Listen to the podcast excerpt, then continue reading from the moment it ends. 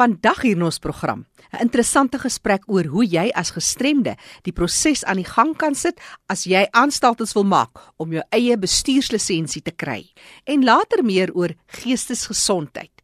En die fokus die jaar oor geestesgesondheid in die werkplek. 10 Oktober is internasionale geestesgesondheidsdag.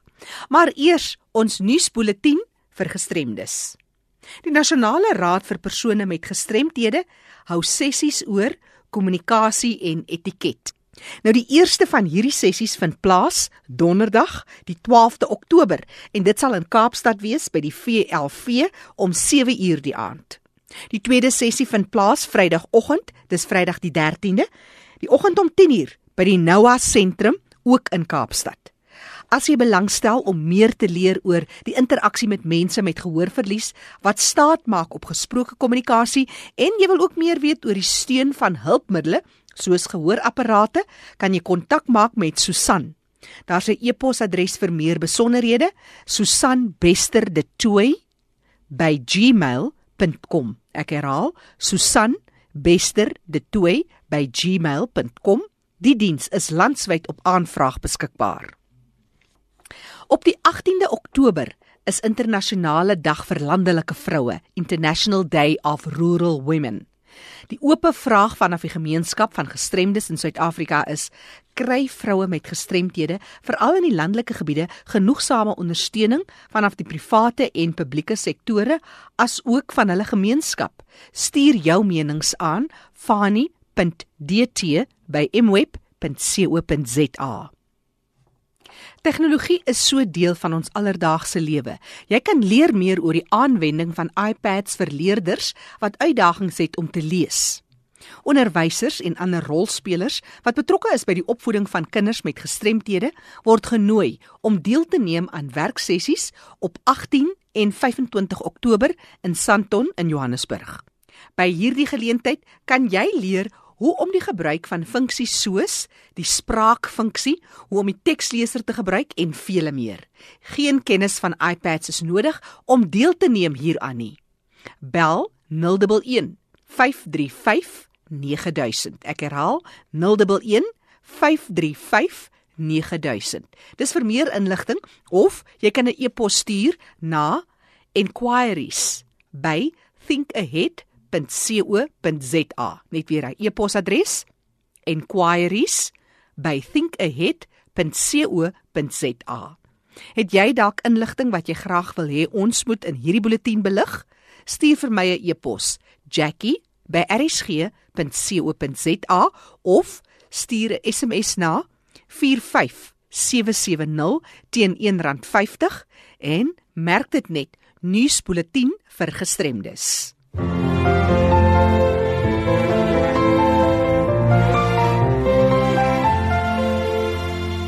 Ons sluit nou by Fanie de Tooi aan. Hy gesels met Caroline Rule, 'n arbeidsterapeut wat 'n konsultant is by Rolling Rehab.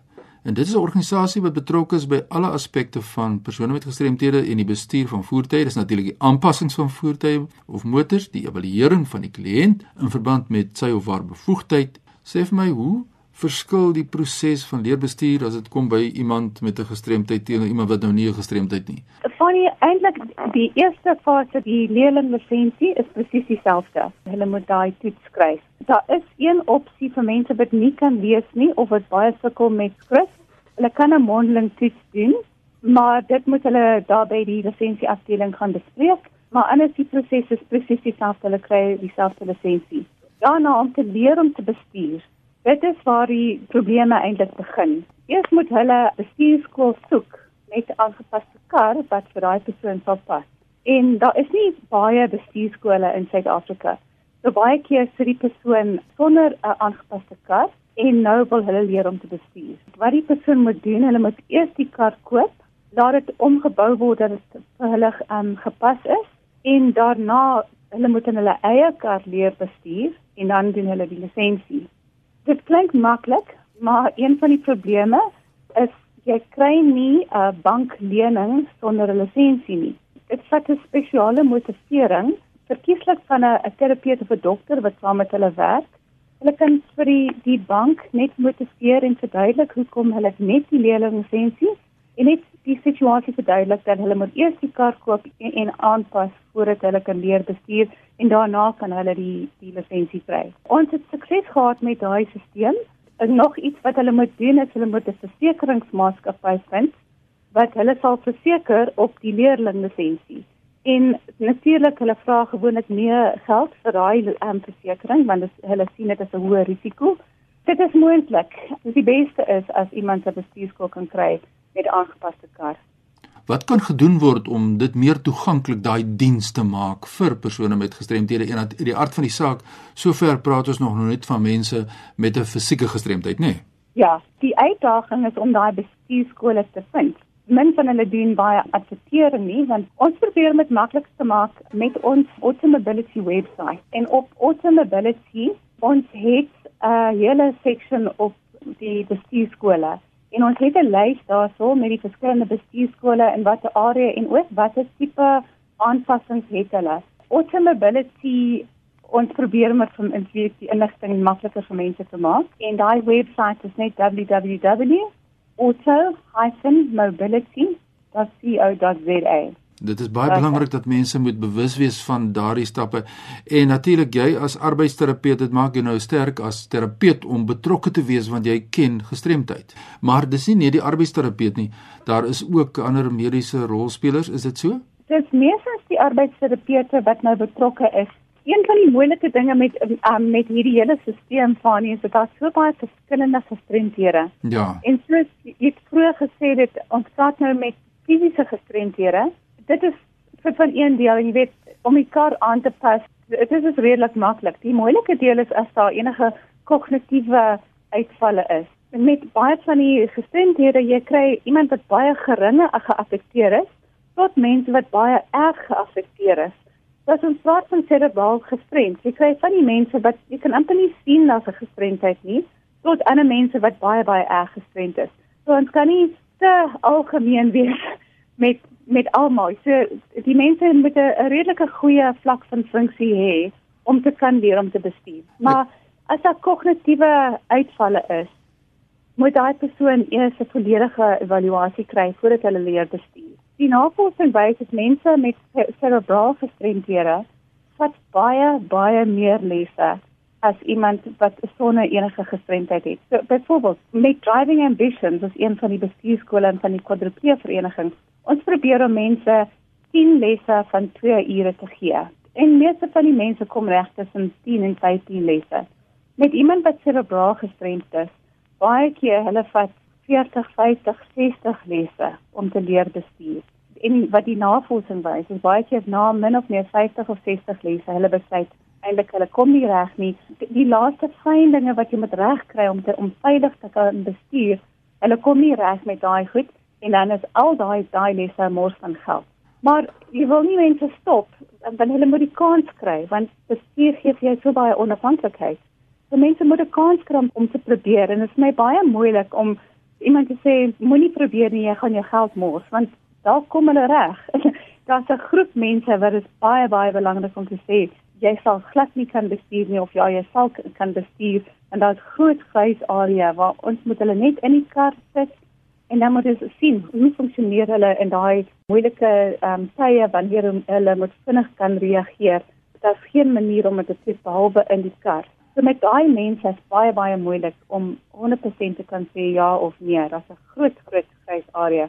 Maar daai evaluasie help baie die familie deur te gee van die risiko en waar is die probleemareas waar hulle sukkel. Caroline, jy's 'n arbeidsterapeut en jy's 'n konsultant by Rolling Rehab en ons hoor nou die uitdagings. Wat moet ek doen as ek wil leer motorbestuur? Daar is infrastruktuur. Daar's natuurlik nou die aansoek of van deur 'n persoon wat liggaamlik gestremd is, maar wat van gehoorverlies? Ek het nou my geval, ek is doof. Wat is die benadering en die ingesteldheid van die owerhede rondom as iemand sê kyk ek het 'n gehoorverlies of ek is doof? Funny om, om eerlik te wees, ek het nie baie kliënte gesien wat gehoorverlies is nie, maar de, volgens die Road Traffic Act doof is of met verhoor verlies mag bestuur. Dit is nie 'n uh, diskwalifikasie nie. Die geheim is hoe leer daai mense om te bestuur want daar's baie kommunikasie nodig in die kar tussen die instrukteur en die bestuurder. Van wat ek gehoor het van die instrukteure baie keer hulle werk uit handsyne wat hulle gebruik in binne in die kar en dan hulle moet baie keer meer stop van die pad afkom en dan gebruik hulle of papier of 'n write and whiteboard waar hulle die boodskappe vir die persoon kan skryf en dan gebruik hulle skriftelike kommunikasie. Dit hang af aan elke individuele kliënt Dit hang af, jy weet, aan hulle behoeftes, hulle vaardighede, hulle vermoë, van hulle kan makliker kommunikeer. So wat baie belangrik is, die verhouding tussen die instrukteur en die kliënt. En hulle moet voordat hulle regtig op die pad uitgaan, moet hulle 'n kommunikasiesisteem uitwerk. Baie belangrik, ons hoor nou ja, diversiteit. Ons moet dit respekteer en ons moet mense 'n redelike kans gee rondom hul uitdagings. Mense moet verstaan in my geval dat mense wat doofgebore is, wat gebaretaal gebruik, mense wat doof geword het wat glad nie gebaretaal gebruik soos ek. Daar's mense wat gehoor verlies het, wat gehoor gestremd is wat verskillende ander metodes gebruik en ons moet respek hê vir die diversiteit en so is dit met al die ander forme van gestremdheid. Ons kyk aan die een kant mense met gestremdhede self en dan kyk ons ook na bestuurskole. So kom ons gee jou kontak besonderhede deur as daar mense is wat graag nou wil meer weet oor die saak. Okay, die beste is van my webwerf which is www.rollingrehab.co.za julle kan vir my e-mail, daar's 'n contact section waar dit 'n e-mail vir my stuur. Dit is die maklikste is net deur die webwerf te kom. Dit is www.rollingrehab.co.za. Alles een woord, Rolling Rehab. So sê Caroline Roo, baie sterkte met jou werksaamhede. Dankie Fanie, ek waardeer dit. Jackie, voor ek teruggaan aan jou daar in Johannesburg, my e-pos is fanie.dt by mweb.co.za. Groetens uit Kaapstad. Dis Fanny de Tooi wat daar groet en dit is goed om te weet daar's 'n proses in werking dat indien jy as 'n gestremde persoon jou eie bestuurslisensie sou wil bekom.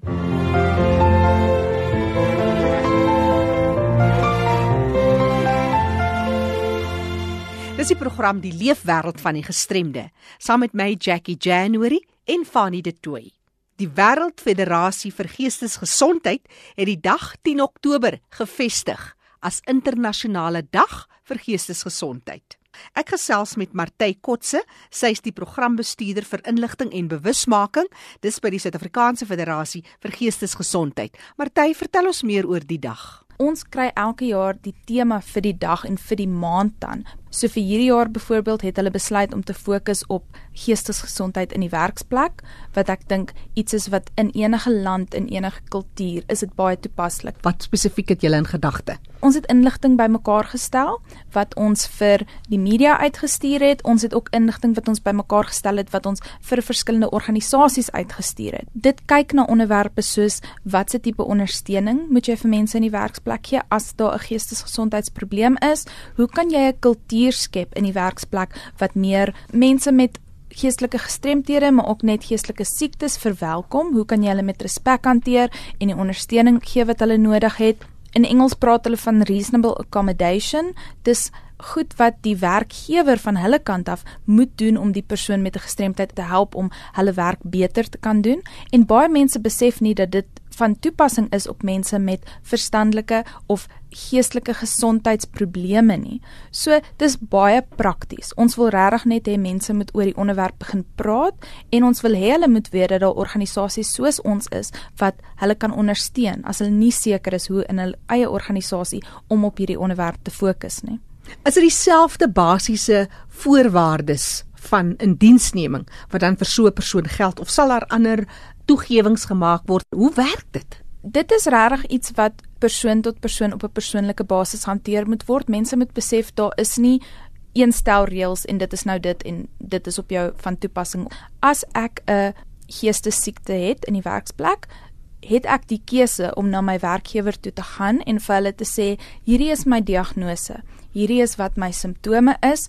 Dit is hoe ek dalk hulp of ondersteuning nodig het, ek gaan dit tot die beste van my vermoë kan doen as ek hierdie ondersteuning het. Dis baie praktiese goed en dis nie goed wat van die werkgewer se kant af jou 'n fortuin gaan kos of dat jy nou jou hele werksplek gaan moet omdop amper om dit reg te kry nie. Party mense byvoorbeeld as hulle op sterk medikasie is wat hulle in die aande moet drink, is dit vir hulle moeilik om baie vroeg in die oggend op te wees of by die werk te wees. So partykeer kan hulle reël dat hulle sê net maar 'n uur of so later in die oggend begin werk, maar dan hou hulle later in die middag op om op te maak vir daai tyd van die tipes medikasie weet ons kan maak dat mense sukkel om te onthou.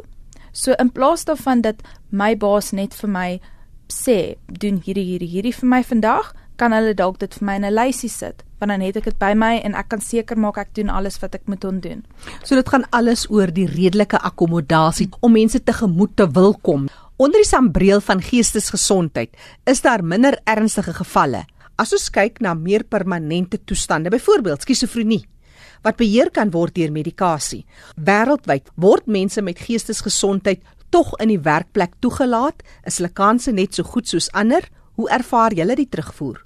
Daar is sekere mense wat dit reg kry om ten spyte van die feit dat hulle ernstige siektes soos byvoorbeeld skizofrenie het, te kan werk, maar die probleem is ek dink omdat daar soveel stigma is nog om hierdie siektes en omdat daar soveel wanpersepsies is met die idee dat mense wat sulke ernstige geestesiektes het dalk byvoorbeeld aggressief is of dat hulle net moontlik nie in staat is om die werk te doen nie, maak dit dat baie werkgewers bietjie skepties of skrikkerig is om sulke mense in diens te neem. So as ek byvoorbeeld skizofrenie het en ek kan vir die onderhoud, is daar 'n goeie kans dat ek dalk liewers dit vir myself gaan hou en nie enigiets sê in die onderhoud nie, want ek is bang dat dit gaan maak dat ek nie die werk kry nie. Is dit toelaatbaar? Dit is toelaatbaar. Volgens wet is dit totaal en al jou persoonlike besluit of jy jou gestremdheid aan die werkgewer wil bekend maak. Maar as jy dit nie bekend maak nie, kan jy ook nie verwag dat hulle daai redelike akkommodasie vir jou moet gee nie. Jy moet kyk na wat is die kultuur mm -hmm. in daai werksplek. Gaan hulle jou met respek hanteer of dink jy daar's 'n groot kans dat daar teen jou gediskrimineer gaan word? So dis regtig iets wat mense maar op 'n persoonlike basis vir hulle self moet besluit, maar in terme van die wet daar is geen verpligting van jou kant af om te sê dat jy hierdie siekte het nie tensy dit regtig 'n probleem met die werk gaan wees.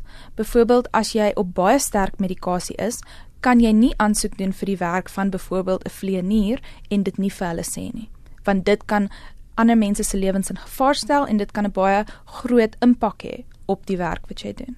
Werkloosheid is so groot uitdaging, nie net in Suid-Afrika nie, wêreldwyd.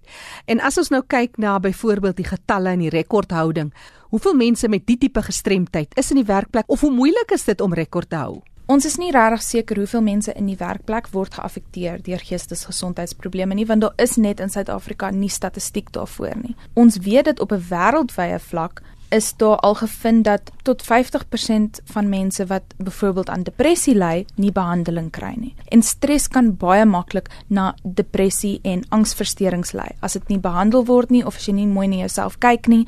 Die probleem is as 50% van mense in Suid-Afrika kan dit dalk nog meer wees want ons het nie die statistiek nie. Rondloop met hierdie geestesgesondheidsprobleme en hulle is nie besig om behandeling te kry nie. Die impak wat dit op jou werk het, mm. gaan net al hoe erger raak ons ervaar baie gevalle en baie mense kom na ons toe en sê weet jy wat? Ek is op die punt waar ek my werk gaan verloor of ek is in die middel van 'n dissiplinêre proses want ek kon eenvoudig nie my verantwoordelikhede nakom nie maar hulle verstaan nie of hulle weet nie dat ek hierdie geestesgesondheidsprobleem het nie.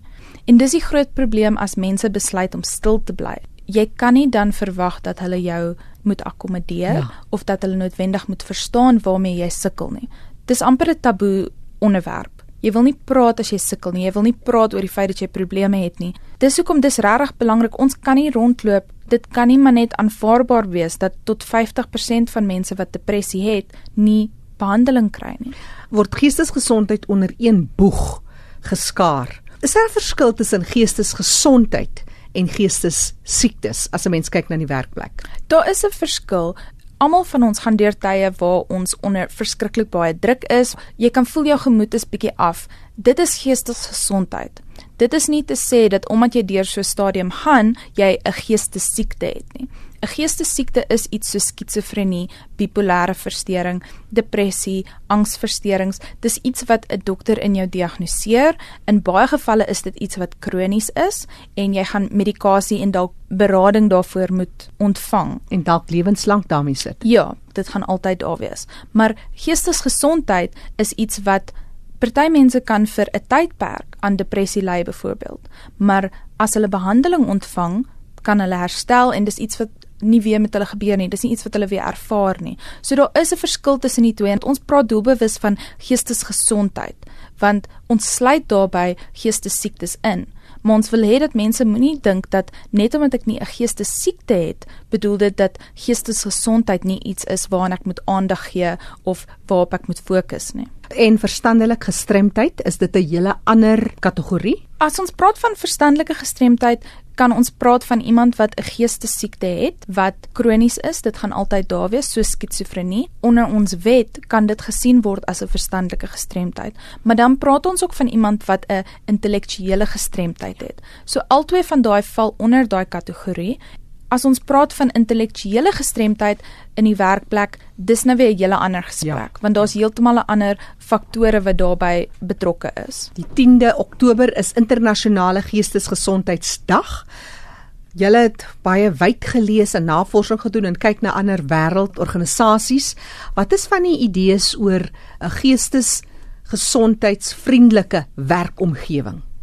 Dis baie belangrik van 'n organisasie se kant af dat hulle probeer om 'n kultuur binne die organisasie te skep wat positief is, wat regtig uitkyk na hulle werknemers se geestesgesondheid.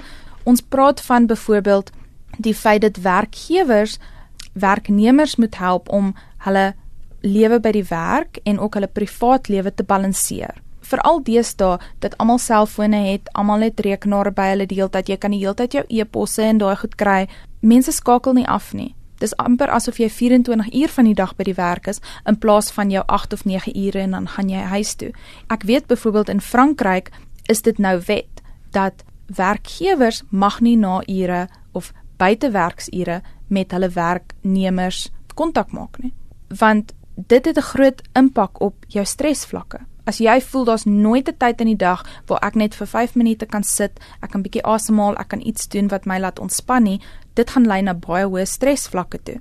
Dan ook, dis baie belangrik dat werkgewers begin kyk daarna om regtig 'n diverse groep werknemers aanstel. Mense is baie skrikkerig om werk te gee vir mense wat verstandelik gestrem is of wat hulle dalk weet met 'n geestesgesondheidsprobleem sit, net soos wat hulle partykeer bang is om mense met 'n fisiese gestremdheid aan te stel. Om mense met verskillende grade van gestremdheid in die werksplek te hê.